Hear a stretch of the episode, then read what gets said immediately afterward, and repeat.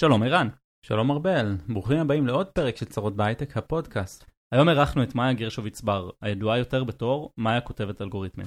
היא מתכנתת בחברת BigPanda, בלוגרית טכנולוגיה ומרצה בכנסים. מאיה הקימה את אחד הבלוגים המצליחים בעברית בתחום התכנות, בו היא כותבת על פרויקטים אישיים ובעיות קוד מעניינות. דיברנו על Backend מול full stack, חיפוש עבודה בהיריון, איך למצוא משרה ראשונה בתכנות, איך למצוא עבודה אחרי פיטורין, רקורסיות, סקאלה, שילוב נשים, הגדלת היצע משרות לג'וניורים, כתיבה בבלוג, המלצות לבלוגים ואנשים מעניינים לעקוב אחריהם ועוד. שתהיה לכם האזנה נעימה. האזנה נעימה.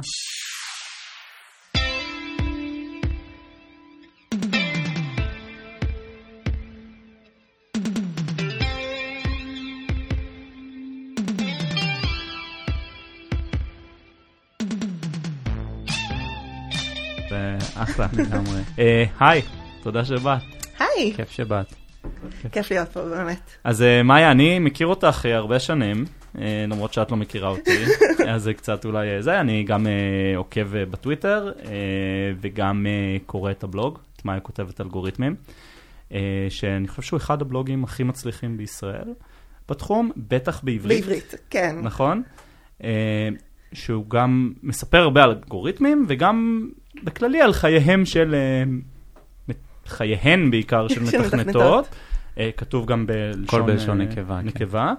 אה, ובעצם קול מאוד חזק, אז ברוכה הבאה. ברוכה הבאה. לא הייתה לי שאלה, רק רציתי קצת, כן. הייתי קצת פנגר עכשיו, בסדר? זה היה מצוין. ממש. ובואי תספרי עלינו מה את עושה היום, כאילו בואי נתחיל מזה. מה אני עושה היום בעבודה, מה אני עושה היום בכתיבה, מה אני עושה היום עם הבן שלי. אז בואי נתחיל מה את עושה היום בעבודה. אוקיי. אה, בעבודה אני כרגע בביג פנדה, עדיין. אה, אני בדיוק מסיימת, אה, דיברנו על זה שאני עוברת לעבודה חדשה בפייסבוק. מזל טוב. תודה רבה, מאוד מאוד מתרגשת. מתכנתת backend מטורפת על backend. אה, ופשוט משתדלת אה, ללמוד ולעשות דיזיינים מעניינים וליהנות נורא מהעבודה שלי. אז אמרת שאת מטורפת על backend, ואולי ישר נתחיל לצלול רגע, בסדר? אבל למה? למה backend מהכל, ואת יודעת מה עוד יותר מזה, בעולם שבו כולם full stack, מה המשמעות של backend? המשמעות של backend לעומת full stack, לדעתי, זה, זה ההתעמקות. כי גם, ב, גם ב backend וגם ב frontend, אגב, טהור, יש המון התעמקות ויש המון אתגרים נורא נורא מעניינים. ו full stack, באמת, יכולים לעשות הכל, יכולים להרים אתר מאפס על כל הצדדים שלו, אבל לדיזיינים באמת מורכבים, אני חושבת שבדרך כלל תרצה בן אדם שהתמחה יותר ולמד יותר לעומק, ומהצד שלי, זה מה שמעניין אותי יותר. אוקיי. Okay. מה, איך תמיד ידעת שאת רוצה לעשות בקאנד? Um, אני לא חושבת שידעתי לקרוא לזה backend, אני יכולה באמת להיות מתכנתת בערך מאז שאני בת 15. אה, וואו. כן. איך התחלת? Um, התחלתי מפלאש, אתם זוכרים את זה? ברור, כן. הדבר הזה שאפל הרגו. כן, אז התחלתי מלעשות אנימציות ולא ידעתי לצייר, זה היה מאוד מכוער, אבל הם זזו ואפשר היה ללחוץ עליהם והם קפצו. וכל כך נהניתי מזה. וגם עשית משהו שקרה, שראית. כן, זה היה נורא מיידי, שזה הצרה עם backend. נכון. זה כזה, אוי, עשיתי איזשהו שינוי, וכל ה pipeline עובד בשנייה מהר יותר. זה מאוד לא ויזיבילי.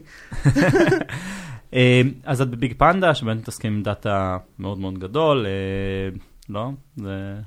ככה אמרו לי לפחות. רגע, בוא נשאר בגיל 15 אולי. בגיל 15, כן. איך ילדה בת 15 בעצם אה, חושבת על התחום הזה, מתחילה להתעסק בו? מה הביא אותך? אמ, סבתא שלי. כל הסיפורים הטובים מתחילים בסבתא שלי. אה, כן, כמו הפרסומת של מייקרוסופט. הייתה המתכנתת של המלך. כן. אמ, סבתא שלי שלחה אותי לקורס מחשבים. סתם לקייטנה, אתם יודעים, עכשיו בתור הורה, אני יודעת שכאילו שכשרוצים לא להתעסק איתך, שולחים אותך לקייטנה. והייתי בקייטנת מחשבים, ולמדתי HTML ופלאש, וכל כך נהניתי, זה היה בגיל 13. ובגיל 15, אני מקווה שזה חוקי ואני לא מפלילה אף אחד, כבר עבדתי בתור מדריכה שם. אה, וואו. כן, אה, ולימדתי, ונורא נורא נהניתי מזה. זהו, מאוחר יותר, כאילו בגיל 16 כבר התחלתי לעשות את החמש יחידות מחשבים, אמ, וזהו, וזה פשוט היה לי... היית אומרת שהסלילו אותך לתחום? וואי וואי, מה זה יסלילו אותי, אני גם דור, אני מדור ארוך של יוצאי טכניון, וכולם נורא מאוכזבים ממני שבסוף עשיתי תואר בתל אביב. וואי, אז כאילו לא היה לך סיכוי, ואז התגייסת, התגייסתי, לא תכנתתי, אוקיי. בכלל לא, אה, לצערי הרב, התגייסתי אה, אה, למודיעין. יצאתי מהצבא, התחלתי לעבוד בתור מתרגמת. לסדרות טלוויזיה, כי, כי הייתה לי אנגלית טובה וזה היה כסף. התחלתי לעשות את התואר שלי בתל אביב, שמרחתי אותו על פני שבע שנים, שזה היה תענוג גדול והדבר היחיד שהתאים לי, כי לא יכולתי חמישה ימים בשבוע ללמוד, ו, ובזמן הפנוי התחלתי לעבוד. תואר במדעי המחשב? תואר במדעי המחשב ובלשנות, וואו, שזה מעניין. היה אה, מרתק, מאוד מומלץ למי שמתעניין. והסיבה היחידה שסיימתי אותו אחרי שבע שנים זה כי התחילו לאיים עליי ש... שאחרי...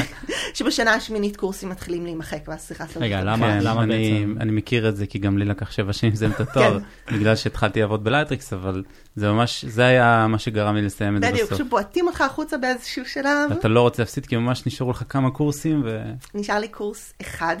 ווואו. הגשתי את הסמינר האחרון הם, ארבעה ימים אחרי שהבן שלי נולד. אז אני הענקתי ובעלי הקליד. גדול. יואו, זה אני לא יכול לדמיין. כן.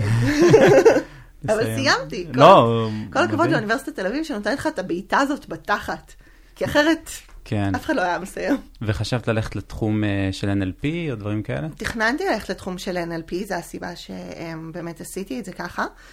אבל אני לא יודעת, התחלתי לעבוד תוך כדי התואר דווקא באמת על, אה, על, על דאטה ועל פייפליינים ועל backend, וראיתי שזה נורא נורא כיף. כמה חברים שלי מהתואר אה, פתחו סטארט-אפים של NLP, ו, וזה נראה מרתק, אבל אני כבר נשאבתי יותר מדי לעולם הזה. כן, את אומרת, אה, מצאת משהו שמעניין אותך מאוד, והחלטת אה, כן. להיכנס אליו. אז מתי, בעת- איך מצאת את העבודה הראשונה שלך? כי זה אז- נשמע שהסיפור הוא קצת אה, מסובך, נכון? אנחנו סיימנו צבא, היית בתואר ארוך, מתישהו שם ילדת. נכון. אמ, אז מצאתי את העבודה הראשונה שלי בדרך שפעם הייתה מאוד קלאסית, והיום נחשבת לטאבו מטורף. אמ, אני עבדתי בתור סטודנטית, עבדתי קצת בתרגום, ואז הלכת, הלכתי לעשות עבודת משמרות באיזה קורפרייט, בתור תמיכה טכנית, דווקא בשכר גבוה, מאוד נוח, ורציתי לתכנת.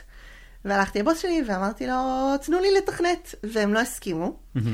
ואז הלכתי לעבוד באיזה סטארט-אפ, ואמרתי להם, תקשיבו, אני באה בתור QA, אבל תנו לי לתכנת, בסדר? אוי, שזה משהו שאז היה אולי נפוץ, אבל נורא היום... נפוץ. לא, לא, היום אומרים, "אל- תעזו ללכת לעשות QA, זה, זה מה שיחתים את הרקורד שלכם, ואף אחד לא ייקח אתכם לתכנות. אבל אז אני ממש אמרתי, "ס- לא נותנים לי, אין לי ניסיון בתכנות. אז אני, אני כאילו אדחוף את עצמי. אז הלכתי לעבוד בתור QA ידני, ואמרתי למנכ"ל, תקשיב, אני באה בתור QA ידני, אבל תוך חודש אתה תראה, אתה תאהב אותי, תן לי לתכנת. זה, זה המון ביטחון. המון, המון, אני עכשיו לא יודעת מאיפה, אני גם לא ידעתי לתכנת. אני כאילו, כי בתואר לא לומדים לתכנת, היה לי תכנות של, של כיתה י"ב, והיה לי כאילו את החוצפה לה- להגיד, תן לי, אני אהיה מצוינת. Um, וזה מה שקרה, אחרי חודש הוא עשה לי כזה כאילו בחינת כניסה, הוא נתן לי לתכנת מחשבון. Um, אני ממש שמחה שאני לא יכולה לראות את הקוד הזה עכשיו, כי אני בטוחה שהוא היה ממש מזעזע. Um, והוא נתן לי לעבוד על ה-QA אוטומציה עם עוד איזה בחור שעזב את החברה אחרי שבוע, ואז אני פשוט לקחתי את זה על עצמי. אז בעצם, מתי התחלת לכתוב את הבלוג? אז הייתי חמש שנים בסטארט-אפ שכבר תכנתתי בו, לא ה-QA, ו... וזהו, רציתי להמשיך הלאה, והתחלתי לחפש עבודה. ובחיפוש עבודה, מה שהיה לי קשה, לאו דווקא היה החלק הטכני, אבל היה מה שקשה להמון אנשים, שזה היה להציג את תהליך המחשבה שלי, לדבר אותו. ו... ואמרתי, טוב, אז אני, אני במקום לדבר לעצמי, אני אכתוב לעצמי. ולקחתי ממש אה, גוגל דוק והתחלתי לכתוב, אני עושה ככה ואני בודקת ככה, ואלה דוגמאות שלי. אמ, ו... וככה אמרו לי, תפרסמי את זה, זה יעזור למלא אנשים. וזה באמת עזר למלא אנשים. אני עד היום מקבלת מכתבי תודה. אז מזה בעצם התחיל הבלוג, מהפוסט מזה הזה? התחיל הבלוג, כן. זה היה... התחלתי פשוט, קניתי וורדפרס חינמי, כזה, והעליתי עליו כמה פוסטים כאלה, ועם הזמן גם הכיף של התחזוק, אתר וורדפרס, יש בזה משהו, אפילו שזה ב-PHP, יש בזה משהו נורא כיפי. כן. אמ, אלגוריתמים co.il, כן? זה- אלגוריתמים co.il. זה תחילת וואו. אה, דומיין, כן? לא, זה לא היה אלגוריתמים נכון. co.il בהתחלה, זה היה כזה מאיה ברידס כן. בלוג נקודה וורדפרס. אמ, זה מחייב. נכון, זה אני. נורא שמחתי שהצלחתי לקבל את האלגוריתמים, ואני מכירה את הבחור שיש לו את אלגוריתם co.il. אז אני, אני כן רוצה להגיד שכמחפש עבודה בזמנו, אז ה- לכתוב זה מאוד מאוד חשוב. אנחנו נוטים הרבה פעמים לרמות את עצמנו, נכון? אני יודע איך פותרים את זה. אלא באוויר, נפנופי ידיים. כן, נפנופי ידיים, אני אעביר, ואז כאילו כשממש מנסים לפתור, וזה נכון דרך אגב לכל דבר, גם לראיונות product, אני ממש מציע לכתוב את התשובה מההתחלה עד הסוף, שלא לדבר על זה של לכתוב קוד בראיון, זה skill אחר מלכתוב קוד אה, נכון. בחיים, אה, ואני חושב שזה טיפ מאוד מאוד טוב. כאילו, תתאמנו, תכתבו. אני חושבת שגם האתרים היום שהם נורא פופולריים והם נהדרים, ה InterviewBit וה LeetCode וכאלה, שנותנים לך ממשק, ואז בודקים אותך ומעירים לך על קומפילציה, הם גם טובים והם גם נורא רעים. גם אומרים לך כמה מהר. זהו, זה- כ- כמה מהר אנשים אחרים, כי אחרי זה אתה מוצא את עצמך ברעיון בלי קומפילציה ובלי בדיקת שגיאות ובלי זה, אז ממש לקחת דף ולכתוב, באמת, מההתחלה עד הסוף ומלא מלא בדיקות. אני, אני אקח צעד אחור, אה, קדימה אפילו, ואני אגיד אפילו על לוח לבן. אה, לפעמים צריך לכתוב קוד על לוח לבן, וזה skill לכל דבר ועניין. פתאום אתם, ב, כאילו לתקתק או לכתוב על דף אפשר, על לוח פתאום צריך להבין מה מגניב. עושים. אני מאוד ממליץ לתרגל זה את זה. נכון, לפני וצריך. להתעמת עם הכתב הנוראי שלכם, כי אף אחד בדור שלנו כבר לא יודע לכתוב. נכון. אני אף פעם לא ידעתי. ואז הבלוג לקח, לקח כיוון של יותר אה, טכני. אמ, כן, ואז אז התחלתי את העבודה החדשה, ולא רציתי להפסיק לכתוב, כי זה היה כל כך כיף. ו- ופשוט אמרתי לעצמי, אוקיי, אני רוצה לכתוב עוד, קצת, אה, סליחה, אבל נמאס לי מאלגוריתמים, מה אני אכתוב, מה אני אכתוב. ואז חשבתי על כל, כל מי שכתבו לי כמה זה עזר להם, ואמרתי לעצמי, איזה כיף זה שאני יכולה לעזור לאנשים שמתחילים בדרכם, ומה מה עוד הייתי רוצה לעזור? מה עוד, אם הייתי יכולה לדבר לעצמי שלפני כאילו שבע שנים, מהמם. מה הייתה רוצה לדעת? וככה אני כותבת, באמת, כל הדברים שהייתי מתביישת לשאול. כל הדברים שהייתי מרגישה שאוי לא, רק אני לא יודעת וכולם יודעים, אפילו ברמת כאילו פקודות לינוקס, מהמם. זה כזה, אוי לא, אוי לא, רק אני לא יודעת ואני מפחדת לשאול וזה כזה מביך, אז זה סוג הדברים שאני רוצה לכתוב. כן, כי אף אחד לא יודע הכל, ו... וזה ממש מעניין אה, העניין הזה. ולמה החלטת לכתוב דווקא בעברית? Um, החלטתי לכתוב דווקא בעברית. א', כי זה, כי זה נעים ונוח לי יותר, ואני מהמם. חושבת שהרבה מהחסם של המון אנשים שרוצים לכתוב, זה שצריך להתחיל לכתוב באנגלית. וצריך להתחיל להעביר את זה להגעה ולריוויוז, ובעברית יש הרבה פחות חסם, אבל זה כאילו, נגיד, בצד. אין מהמם. תוכן בעברית. פשוט אין תוכן טכני כמעט בכלל בעברית. יש את האתר של רן ברזיק, יש פה ושם התחלות קטנים של בלוגים, וממש רציתי להיכנס לזה, ואמרתי שבטוח יש לזה צמאון. כן, היא יותר נהנית. לקרוא, לקרוא בלוגים בעברית, אז בטח יש עוד אנשים אז כמוני. כאילו בעצם יצרת אה, competitive advantage כזה גם. נכון, וואי, לגמרי. היה שוק שהיה צמא לזה. כן, ו- יצאנו גם לדבר על זה בכמה מהפרקים, על העניין הזה של הבידול עצמי. את, את מרגישה שה, שהבלוג הוא איזשהו אה, בידול שלך או brand שלך? כן, הבלוג הוא, הוא brand מטורף. אני... אה, 90% מהדברים שעשיתי בשנתיים האחרונות לא היו קורים אלמלא הבלוג, הרצאות שאנשים פנו אליי, הפודקאסט הזה. זה, אני גם מאוד ביישנית, למרות שאנשים מסרבים להאמין לי בקטע הזה, ואני אף פעם לא הייתי פונה ויוצרת לעצמי הזדמנויות, והבלוג הזה יוצר את ההזדמנויות מהמם. בשבילי. אני, אני חייב להגיד שביישנות זה, כאילו כל מי שנראה לא ביישן, ואני מדבר גם על ערן ועליי עכשיו, אנחנו עובדים בזה. זה לא, זה לא טבעי לרצות uh, לדבר ולצאת, זה מה שצריך לעבוד עליו, ואני חושב שזה גם. אמירה חשובה.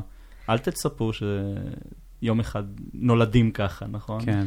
אני, יש הרבה אנשים ש, שכן נולדים מאוד לא ביישנים. אני חושבת, אני אוהבת להגדיר את עצמי מעבר לביישנות שאני מאוד אינטרוברטית. מהמם. ואז הקטע של הכתיבה, שאני לבד בחדר ואף אחד לא יכול לקטוע אותי או להתווכח איתי, אז זה ממש נותן לי את הביטחון. עד שאת לסיים משפט. מפרסמת, זהו, ואז כולם מתווכחים עד איתך. שאני מפרסמת, כן. וכולם באים לכתוב לי כמה טעיתי. את קולטת שמאות אנשים קראו את מה שכתבת, או שמעו את מה שאמרת, זה, לא נתפס כזה לפעמים. רוב, רוב הביקורות כל כך מפרגנות, ואנשים באמת כותבים דברים נחמדים, וכותבים לי באופן אישי. נגיד הפוסט על הפיטורים. שהיה אה, מאוד מאוד פופולרי. תספרי טיפה. אמ, אוקיי, אז אני כתבתי פוסט על אה, איך לחפש עבודה אחרי פיטורים. כי אני חושבת שזה אחד הנושאים הטבויים והמפחידים, וכשאני פוטרתי ורציתי לחפש עבודה חדשה, חיפשתי משהו על זה ולא היה בשום מקום. וכשהתייעצתי עם חברות, אמרו לי פשוט לא להגיד שפוטרתי, שזו עצה לא טובה, אבל נורא מובנת. נכון. אמ, ועל ה... וכתבתי אותו אמ, ביחד עם תמר דליות, אה, שהיא מגייסת מפייסבוק, וגם הכרנו דרך הבלוג, והיא מדהימה, והיא גם נורא רצתה לה- להגיע ולעזור לאנשים. וזה פשוט פוסט על, קודם כל לנשום עמוק, ואחרי זה להבין שאת תצליחי למצוא עבודה, גם אם פוטרת, כולם מצליחים בסוף, ואיך למסגר את הסיפור. והפוסט הזה הוא מאוד מאוד פופולרי. אה, אמרנו שהפוסט חיפוש עבודה שלי הוא הכי פופולרי, זה כאילו, זה כן. מאות אלפי קריאות, זה לא דומה בכלל שום דבר אחר. הפוסט הזה הוא מאוד מאוד פופולרי, אבל אין עליו תגובות, ואנשים מגיבים לי עליו רק בפרטי. כי אפילו זה, זה מביך. כאילו טבו. טאבו מאוד גדול כזה. אמ, אז את יכולה לתת עצה או שתיים באמת לאיך להציג את זה אם פוטרת? אה, אני יכולה לתת המון עצות. למען האמת, כתבתי אוקיי. פוסט בנושא.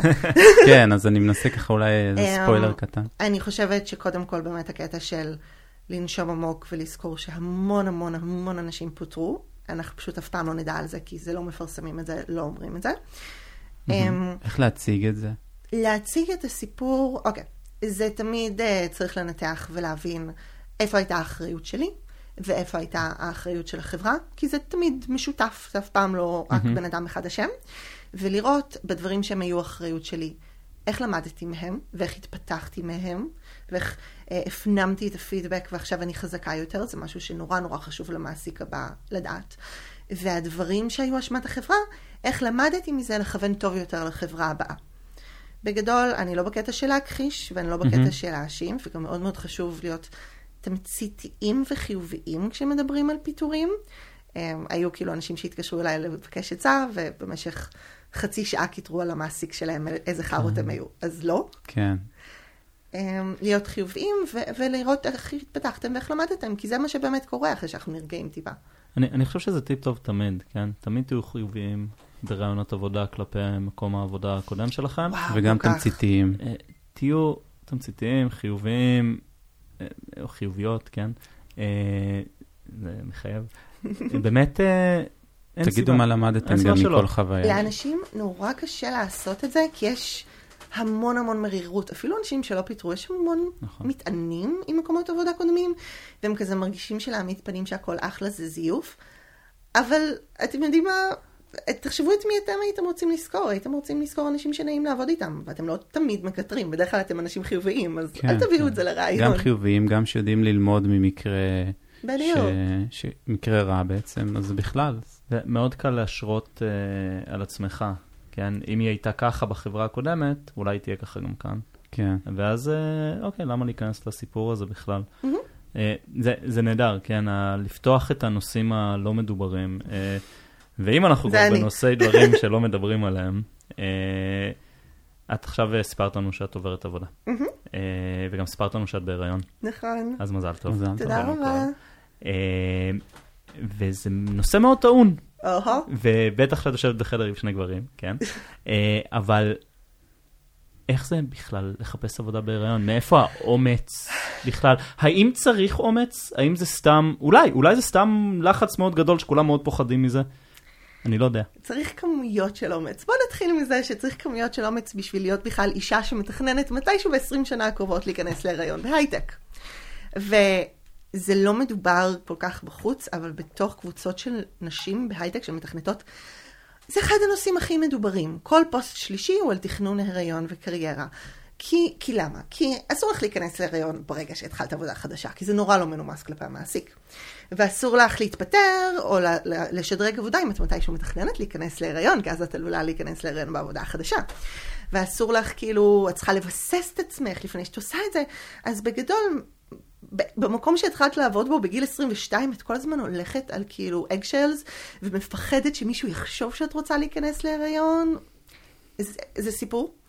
אמ, ו- ורוב הנשים, אם תשאלו אותן, אז כאילו התקופה שהכי מומלץ בה לעשות את המעבר הזה זה בחופשת לידה, כי יש לך זמן ללמוד, ויש בדיוק את הרווח הזה, ואת לא הולכת כנראה שוב להיכנס להיריון בשנה הקרובה. זו גם הסטטיסטיקה, נכון? כאילו המון mm-hmm. נשים מחליפות עבודה או תפקיד uh, מיד אחרי למה? כי יש את הלחץ הזה שכל הזמן אחר הוא נורא לא מנומס כלפי המעסיק שלך. כן.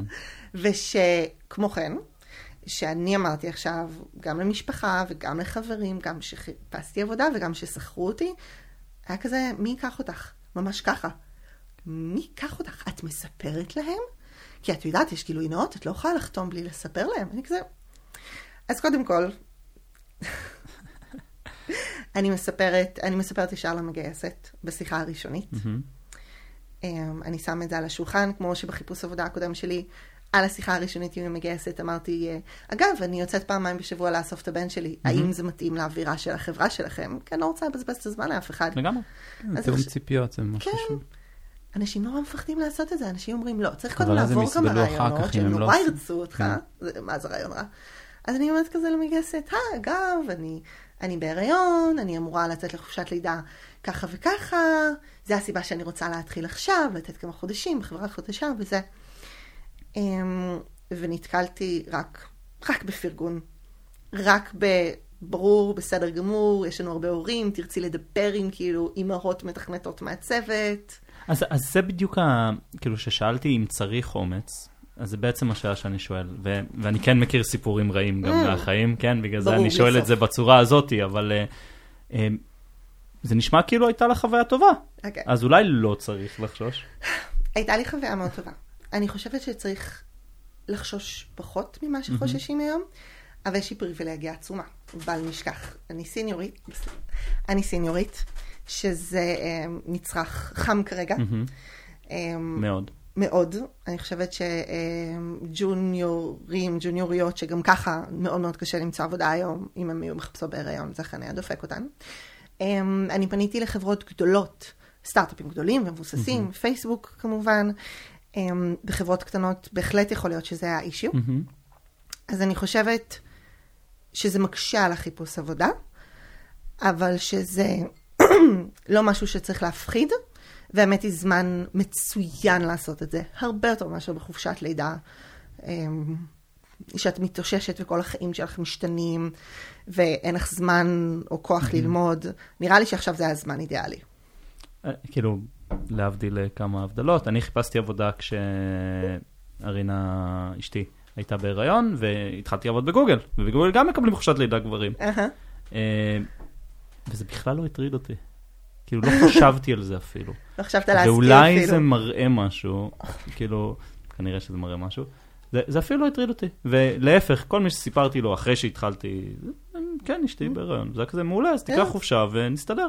כאילו, ויכול להיות שזה באמת פריבילגיית uh, סיניורים או פריבילגיית uh, מקומות גדולים, mm-hmm. נכון? Uh, או של הייטק בכלל, מול, לא. תעשי, מול מגזרים אחרים. אני לא מכירה מגזרים. כן, אני חושב ש... זה, אני חושבת שקשה לנו להשוות, אני חושבת שזה לא הייטק בכלל, זה כן הייטק גדול. Mm-hmm. בחברות קטנות, אז, אז תחשוב, אם הייתי הולכת למקום שיש ארבעה מתכנתים ו-25% מכוח העבודה היה עוזב, כן. אז זה הרבה יותר בעייתי. למרות שאני כן יודעת, ידיד שלי ממש התחיל סטארט-אפ השנה, והוא אמר שהמגויסת השלישית שלו הייתה בהיריון, ואני, אני שאלתי אותו, תגיד, אתה משוגע? מה אתה עושה כשהיא תעזור? כן, הוא אמר לי, תותחית, לא רציתי לוותר עליה. זה אה, כאילו מאוד... אה, מאוד קשה לגייס אנשים, כמו שאת אומרת. בדיוק. ולאבד מישהי טובה בגלל זה, זה כאילו זה לא כלכלי, עזבו הכל, כן. אה, אבל כנראה שבטווח הארוך זה, זה כן, כי בסוף אתה מקבל... כאילו זה, זה כלכלי כן. לגייס אותה, כאילו, כן. זה הכוונה, כן. לא, בא, באווירת גיוסים של היום, שבאמת נלחמים על כל סיניור וסיניורית, לא לגייס מישהי כי תצא לשלושה חודשים חופשת לידה, זה, זה אידיוטי. אני חושבת או שהרבה לחצי שנה, חברות... כן? בואו. כן, או חצי שנה, אני חושבת שהרבה חברות מבינות את זה עכשיו.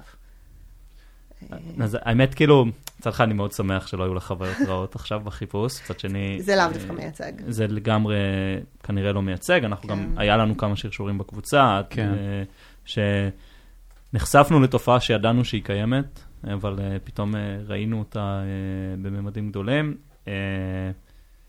אפשר רק לקוות שזה מתחיל להשתפר, אבל וזה- אי אפשר לדעת. וזה גם, אני חושבת שזה הכל מתקשר אה, ביחד. רעיונות, אה, רעיונות זה טקטיקת מכירה שצריך ללמוד, ורובנו לא טובים ולא טובות בזה בכלל.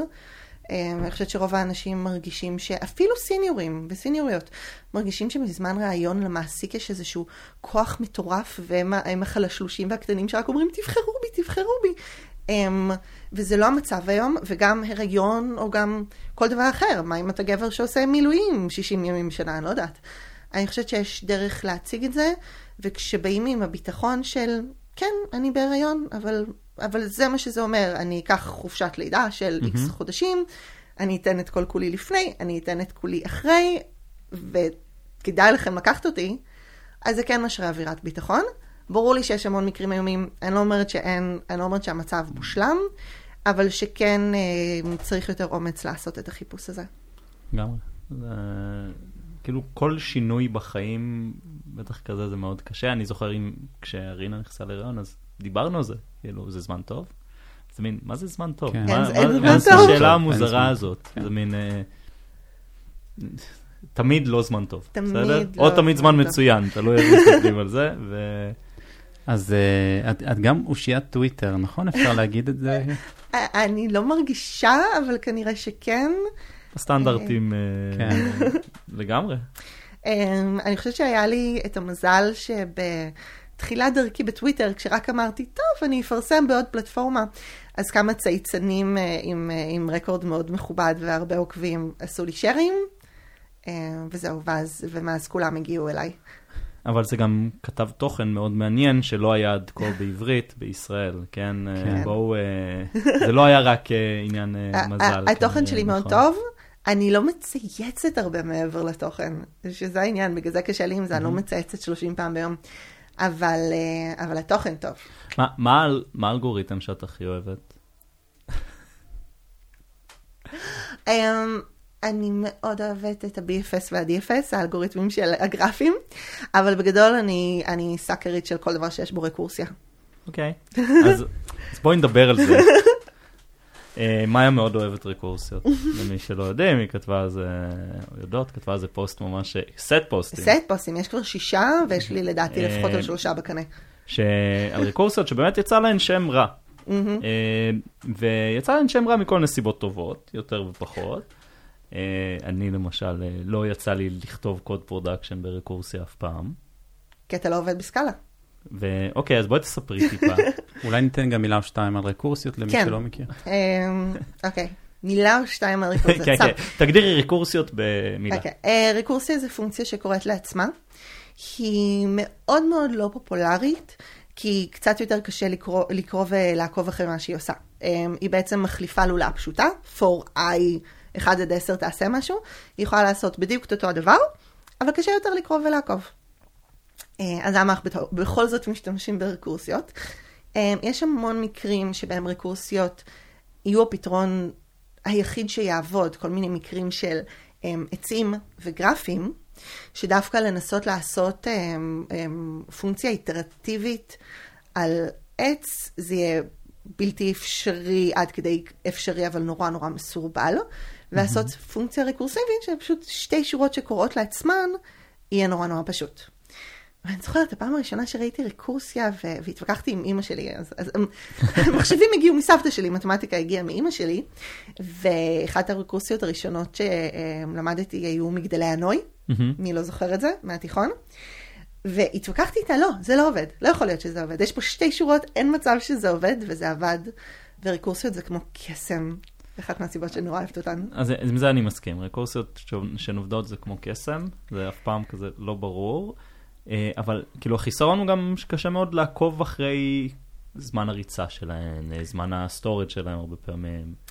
אני, אני לא מסכימה שקשה לעקוב אחרי זמן הריצה וזמן ה storage, פשוט צריך תפיסה קצת יותר תלת-מימדית, כי בלולאה איטרטיבית... כלומר, קשה יותר לעקוב אחרי. סתם, לא, צודק. בלולאה איטרטיבית, הזמן ריצה זה ה-N שלך, עד כמה אתה רץ. ורקורסיה, גם תלוי בכמה קריאות רקורסיביות יש בתוך הרקורסיה עצמה, יכולה להתפצל, בגלל זה היא נכון. כל כך מתאימה לעצים. אבל סך הכל הרקורסיות הן בכמה מבנים פשוטים, אפשר כאילו להגיד, אה, זו רקורסיה שאני כבר מכירה, שכבר ראיתי. אה, ומהבחינה הזאת קל לעקוב אחריה. אה, ומבחינת שימושי production, אז שוב, יש שימושי production, כאילו על עצים וגרפים, ויהיה גם שימושי production כשרוצים להיות קצת יותר safe, אני יודעת שזה נשמע מוזר, אבל כשרוצים להיות יותר סייף מבחינת um, הקצאות מקום וגישה, uh, למשל כשאתה mm-hmm. עושה לולאה, אתה יכול לעשות לולאה מ-0 עד 10 שניגשת לאיזשהו מערך שבעצם יש לו רק 9 תאים, ואתה יכול להיתקע ולא לגלות את זה עד שאתה רץ בריל טיים. נכון. אה, וזה יזרוק תוך כדי. אמ, וברקורסיות, עם התנאי עצירה, אז בדרך כלל זה קצת יותר מסודר. הרבה מהפונקציות הפופולריות בסקאלה, שאני פשוט עובדת איתה עכשיו, הם, הם רקורסיות בדיוק בגלל זה, כל מיני פולדים וכאלה. ועוד משהו שמאוד מאוד מגניב בסקאלה, שזה ממש גרם לי, בדיוק רציתי להגיד, אה, זהו, לחזור. למה את אוהבת סקאלה? לחזור מחדש לרקורסיות בשנתיים האחרונות, זה שיש משהו שנקרא טייל ריקרז'ן, שזה, אמ, אני לא אכנס בדיוק לפרטים שאיך מבצעים את זה, אבל זה בגדול רקורסיה שה compiler יכול לעשות לה אופטימיזציה, ולהפוך אותה ללולאה. אז גם מבחינת זמן ריצה ו storage מחסנית וזה, אתה לא מאבד כלום. אתה רק כתבת משהו שבתקווה יותר נוח לך לראות ברקורסיה, ברקורסיה. אז את, כאילו, את כותבת ב Scala, כן. כמו שאמרנו, ואת נורא אוהבת Scala. כל כך אוהבת גם Scala. אני, אתם צריכים לראות את החיוך שיש עכשיו שאנחנו מדברים על Scala. אה, ודווקא זו שאלה מעניינת, זה כמה tech stack הוא באמת משמעותי לך כ-Backend Engineer? כאילו, יש עבודה שלא תיקחי בגלל מה שכותבים? נגיד, פייסבוק, את הולכת לכתוב עכשיו אני flavor לא- של PHP, לא נכון? ב Scala. notorious. אמ, אולי אני מדבר שטויות, דרך אגב, סליחה. אז עד שהגעתי ל Scala, אני חשבתי שה stack ממש לא משנה לי, וזה הכל syntax, וזה הכל אותו דבר. והאמת היא שב Scala אני יודעת שכאילו שמבחוץ זה נראה קצת כמו cult, אבל יש בה משהו נורא ממכר, שנורא גורם לך לרצות לעבוד איתה. אמ, יש בה המון דברים יפים, יש בה המון דברים שהם מאוד סימלסלי, ואני יכולה לחפור שעה על כל הדברים שהיא מוצאת בזמן קומפילציה ששפות אחרות לא היו מוצאות. מהמם. אמ, וכן, כשחיפשתי עבודה, נטיתי למקומות שיש בהם סקאלה, אין הרבה כאלה בארץ. נכון. אם בא לכם סקאלה, אז ביג פנדה זה אחד מהמקומות היחידים. אמ, וזהו, והייתי צריכה לעשות עם עצמי את השיחה של האם אני מגבילה את עצמי, האם זה עד כדי כך חשוב לי שאני אגביל הזדמנויות בגלל הסטק, ו... והגעתי למסקנה שלא. אה, אבל כן כתבתי כמה home assignments בסקאלה, וזה היה ממש כיף. אז uh, קצת נחזור לנושאים כלליים יותר. אנחנו uh, שותפים, נקרא לזה, לאקוסיסטם הישראלי של ההייטק, uh, ולנו, לי ולארבל יש נקודת מבט מסוימת. נשמח לשמוע את הנקודת מבט שלך על, על ההייטק הישראלי. אמ, אז קודם כל, מהי נקודת המבט שלי? אני הייתי בסטארט-אפים עד עכשיו, אני עכשיו עובדת, עוברת לקורפרט, ואין לי שום דעה ושום מושג על זה עדיין, מוקדם מדי. אמ, אז הדעות שלי הן בעיקר מבוססות סטארט-אפים. אמ, בוא נחשוב, יש לי, יש לי הרבה מחשבות על האקוסיסטם כמו שהוא נראה היום. הלוואי שהיו יותר נשים בתכנות, למשל. אמ, כל חברה שאני מדברת איתה שאומרת שנגיד יש לה 25% נשים, זה נחשב המון. מלא. מלא מלא מלא. בדרך כלל אני רגילה להיות אחת משלוש מתכנתות ב-R&D.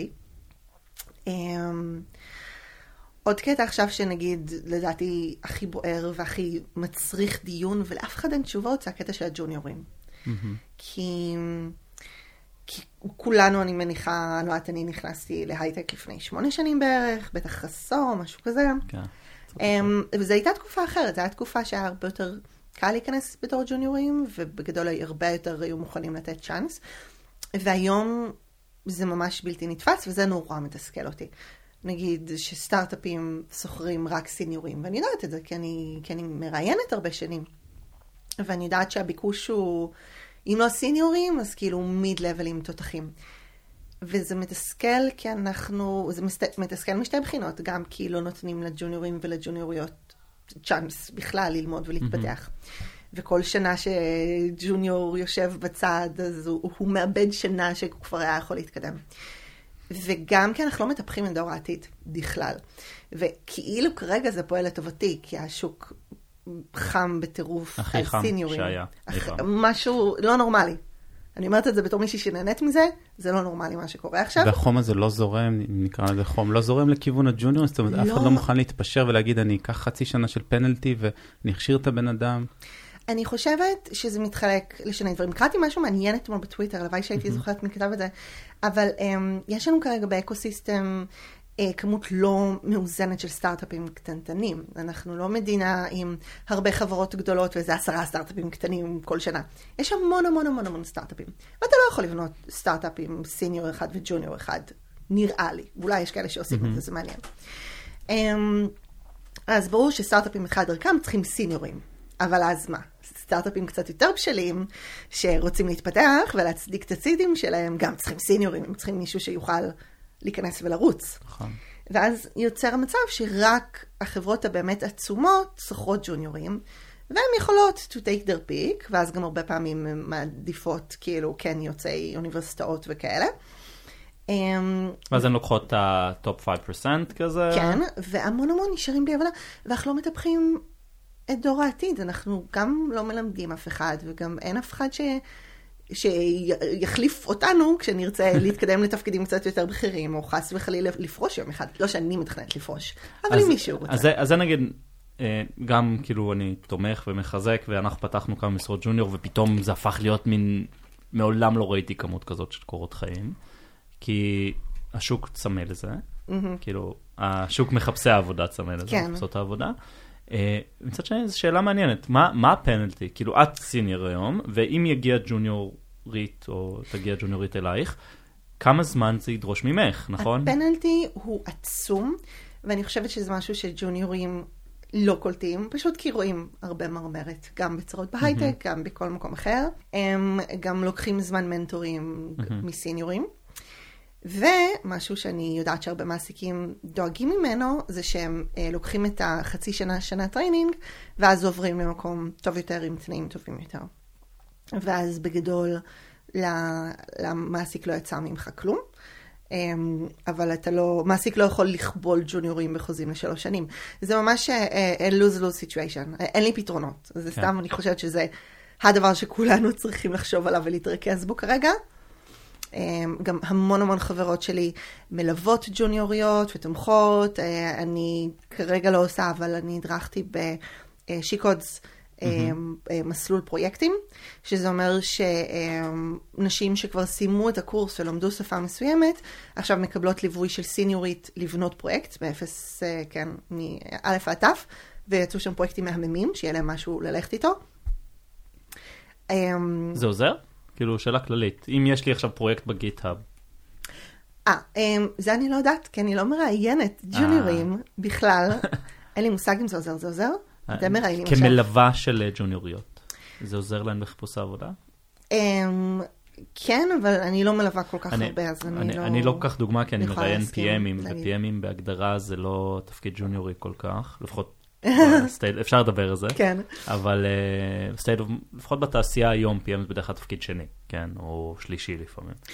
אני לא יודעת להגיד עד כמה uh, פרויקטים נותנים advantage um, בזמן זה שיקראו את הקורות חיים שלך ויזמנו אותך לרעיון, אני לא הבן אדם לדבר על זה, mm-hmm. אבל אני כן יכולה להגיד שמהצד, כשראיתי ג'וניוריות בונות את הפרויקטים האלה, כמה זה משמעותי. כי, כי ניסיון מהתעשייה הוא invaluable. ממ-הממ. זה, זה הדברים שאף אחד לא, אף אחד לא מדבר איתך עליהם. אמ, מושגים, דברים שקורים ב... מה זה pull request, נכון? כן, כן, כן, כן, הרבה ג'וניורים לא עבדו עם Git בצורה מסודרת אף פעם. וזה נורא חשוב, כי זה משהו פחות שצריך ללמד אותך. איך עובדים בצורה מסודרת עם pull request ים, איך עובדים בצורה מסודרת עם database ים, אה, למה חשוב לאנדקס דברים, כל מיני דברי כאילו אה, אה, מטריקות, לוגים, כל מיני דברי production, שזה יכול לתת edge. זה אם, ממ-הממ. אם מישהו, senior מהתעשייה, מלווה אותך ושם דגש על הדברים האלה, ולא רק איך תבנה כאילו אה, סקאד, רגע. סקאד? CRUD, CRUD, לא סקאד. כן, סקאד זה בפודקאסט אחר. כן, אה, אה, ולא רק אה, לבנות קראד שלא מחובר לשום מקום ועולה לאוויר כסטנד אלון, אז זה דברים שיכולים לתת אדג' ולחסוך מנטורים שתצטרך אחר כך בתוך העבודה. כן, נראה לי אנחנו יכולים לנסות לצאת בקריאה לתעשייה, תחשבו על זה. יש לנו המון המון כישרון שמחכה שיקטפו אותו, כן? לא יודע אם... רגע, עוד לא סיימנו עם הבעיות, כי אני רוצה לחזור לעניין של כן. שילוב נשים בהייטק. את באה מאיזשהו מקום של סוג של מודל לחיקוי להרבה נשים, או נשים צעירות. את, קודם כל, שאלה ראשונה, האם את מרגישה את זה באמת? ודבר שני, איך, איך אפשר לעשות יותר בהקשר הזה של באמת דמות נשית מתכנתת שתהיה שם בשביל נשים צעירות או נערות? אמ, אני מרגישה רול מודל, אני האמת היא מרגישה פחות רול מודל לג'וניוריות ויותר רול מודל לכזה מידיות, mm-hmm. סיניוריות ש, שחסרות את האומץ לדחוף את עצמן, כי זה, זה באמת הקהל שאני יותר מדברת אליו וסוג הדברים שאני יותר כותבת. Um, אני נורא רוצה להיות רול מודל, אני דיברתי כבר בכמה כנסים של, uh, לגוגל, יש uh, כנס שנתי שנקרא Hello World, mm-hmm. שפונה um, לנשים לפני אה, האוניברסיטה, לעודד אותם לעשות תואר במדעי המחשב. אני חושבת שזה מקום מצוין להתחיל בו. אמ, אז, אז אני מנסה לעשות דברים כאלה. אה, לצערי, אין לי, אין לי מספיק זמן, אבל יש המון המון פרויקטים של, יש את מהממת, של לדבר עם בנות בכיתה אה, ט' אה, על תכנות, אה, והמון פעמים מבקשים ממני לדבר לפני כיתות וכל מיני כאלה, ו- ולעודד, כי אני חושבת שמזהים נכון. שהבעיה עם שילוב נשים מתחילה שם. היא לא מתחילה בהסבות של גיס 25. היא מתחילה עם הרקע ועם האומץ אה, להיות הבת היחידה במגמת המחשבים שלך. אה, אז זה מקום טוב להתחיל בו, ואני מנסה, אבל אין לי מספיק זמן לכל התוכניות המאוד מאוד טובות האלה. זה באמת ממש ממש חשוב כאבא לבת, נכון? כזה אומרים, כאבא לבת. אה, אני מאוד uh, שמח שלאט לאט יש יותר ויותר רול uh, models אה, במקומות כאלה. חשבנו שיהיה נחמד לשאול אותך כזה על כל מיני המלצות של אנשים רלוונטיים בתעשייה, לעקוב אחריהם, בלוגים שאת קוראת, אה, חשבונות טוויטר. אז מבחינת אה, נשים בתעשייה, אה, אני יכולה, למי שנכנסת, אני יכולה להמליץ על She Codes, כמובן, שהן מדהימות אחת-אחת, ועל uh, הופכות למפתחות. שהופכות למפתחות, זה הקבוצת האחות הג'וניורית mm-hmm. של באות, שזה באמת הקהילה הכי גדולה למתכנתות בארץ, שעושות מלא מלא פרויקטים מדהימים כל הזמן. יש פרויקטים של ליווי בחיפוש עבודה, שזה נורא נורא חשוב. יש אמ, פרויקטים של אה, התנהלות ארגונית, של פשוט, אוקיי, כבר יש לך עבודה, איך את גורמת שישימו לב אלייך ותדחפי את עצמך. Mm-hmm. יש עכשיו אה, משהו שנקרא Women on Stage, שזה ממש חדש מהשנה האחרונה, שהמטרה שלהם זה לעזור לנשים אה, להרצות בכנסים ולדחוף אותם להגיש ל-CFPs. אה, call ו- for papers. call for papers, ש... סליחה. אה, באות אה, הן גוף אה, נהדר שיצא לעבוד אותו כמה פעמים. הן גוף נהדר והן סוג של ה... ה... הקהילה של מתכנתות כרגע. אין מספיק מתכנתות להרבה קהילות, אני חושבת. Um, וזה, וזה מגניב שיש קהילה אחת, בייחוד אחת שעושה כל כך הרבה, המנהלות mm-hmm. שם, לדעתי זה עוד, עבוד, עוד עבודה במשרה מלאה. Um, אז זה הקהילות שאני ממליצה להיכנס אליהן אם את מתכנתת. Um, אני ממליצה לעקוב אחריי. Uh, ואני ממליצה להתעניין בתכנים טכנולוגיים בלי קשר, כי כן, רוב התכנים הטכנולוגיים הם, הם של גברים כרגע. אבל זה לא צריך uh, למנוע מאף אחת להתעניין. ומבחינת uh, מנטורינג ועזרה ותמיכה, יש בקהילות האלה בלי סוף. אני... Mm-hmm. כן, אוקיי. זה, זה נשמע כאילו, לכו דברו איתן. כן. לגמרי לכו דברו איתן, uh, לכו תיכנסו. Um, גם זה, יש, יש משהו במרחבים הבטוחים האלה שאפשר לשאול כל שאלה, um, שזה מרחבים לא, מאוד לא ציניים ולא ביקורתיים, כי המנהלות עובדות בזה שהם יהיו לא ציניים ולא ביקורתיים. יש גם קבוצה של שאלות על שכר, שהיא קבוצה אחות של באות, שאת יכולה לשאול אנונימית או לא אנונימית, זה הפרופיל שלי, כן. כמה אני צריכה לבקש. זה מדהים, אתם מבינים כמוך? אני לא ידעתי כמה אני צריכה לבקש לפני שנכנסתי לבאות. לא היה לי מושג. ו... אני חושב ששווה לרפרר פה גם לפרק אה, שעשינו עם אה, יפתח בר, פרק שלוש, שבאמת מדבר על צפי שכר והצעות שכר ומשא ומתן. אבל- אני חושבת, גם שמעתי את ההרצאה של יפתח והיא נהדרת, נשים תמיד מבקשות פחות, נשים מותנות לבקש פחות, אנחנו גם um, פחות חשופות למשכורות של גברים, פשוט כי, כי זה משהו שאף אחד לא מדבר עליו, אבל אם קצת uh, גברים ידברו אחד עם השני, אז זה פחות יהיה מחוץ לקבוצה. וה, והמון המון נשים שנכנסות לראשונה uh, לקבוצה של באות, הדבר הראשון שהורג אותם זה השכר שהן מדברות עליו שם. כי נשים חולקות את המשכורות שלהן, או חולקות, או עונות לנשים אחרות כמה כדאי להן לבקש, ומתווכחים איתן. אומרים לא, אין סיכוי, היא לא יכולה לבקש כל כך הרבה, יצחקו עליה.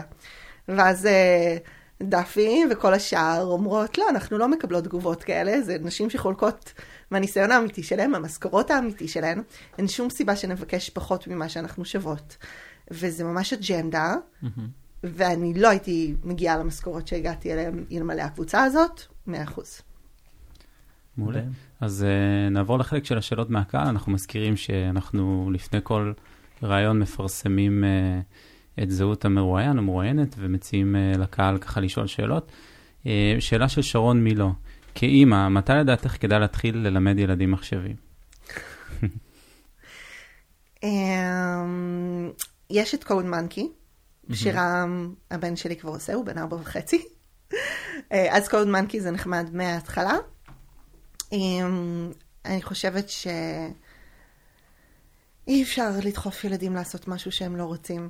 אז אם מראים עניין, אז ברגע שהם מראים עניין, ואם לא, אז לא, הם יגיעו לזה לבד, וחבל ליצור דחייה. גם אתה יש זמן אחרי השיעור פסנתר, שחמט ו- ג'ודו. וג'ודו. אה, לינוי דהן שאלה, אה, אלגוריתמים זה מעניין, כמה זה חשוב למתכנת רגיל ב-day to day? וואי, יש אלף דרכים לה- להגדיר מתכנת רגיל. Um, להרבה מתכנתים זה לא חשוב בכלל. Uh, אני חושבת, יתקנו אותי הפרונטנדיסטים, אני חושבת שפרונטנדיסטים לא מתעסקים עם אלגוריתמים כמעט בכלל, גם לא בקנדיסטים. שנייה, אני שוב אנסה להיות ההדיוט, אבל בואו ננסה להגדיר ככה את ההפרדה אוקיי, בין שניהם. סבבה, אז כש... רגע, בין מה למה? בין אלגוריתמיקאי למתכנת רגיל.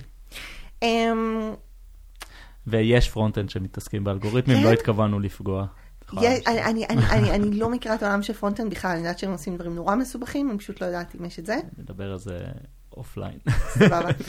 אמ, אז בגדול, להרבה מתכנתים זה לא חשוב לעבודה היומיומית, אבל זה נותן בסיס, וזה נותן משהו שמצלצל לך במוח. כשאתה רואה בעיה אמ, שיכולה להיפתר עם משהו שכבר נתקלת בו, אז... אז פה, אז פה הידע הזה נכנס ופה הידע הזה חשוב, וגם יקפצו לך כל מיני דברים אה, לראש לגבי מה הסיבוכיות ומה הסיבוכיות מקום של דברים. אז זה משהו שחשוב שיהיה בתור רקע. להיות מסוגלים לפתור אה, אלגוריתם תוך שלושת רבעי שעה, חשוב רק לרעיונות, אין מה לעשות. טוב, אה, מאיה, תודה רבה. אה, אנחנו ממליצים לכולם ללכת, וכולן ללכת ולקרוא את הבלוג של מאיה, לעקוב אחריה בטוויטר, אה, להצטרף לקהילות שמאיה ציינה. כן. אה, בגדול להתעניין יותר, וללמוד יותר, ולכתוב יותר, ולדבר יותר. להעיז. אה, יש כל כך הרבה צרכני תוכן, ויש מקום לכל אחד וכל אחת ליצור תוכן. אה, הפודקאסט אה, בכל אפליקציות הפודקאסטים, אתם מוזמנים להקשיב גם לפרקים קודמים. תודה. תודה רבה.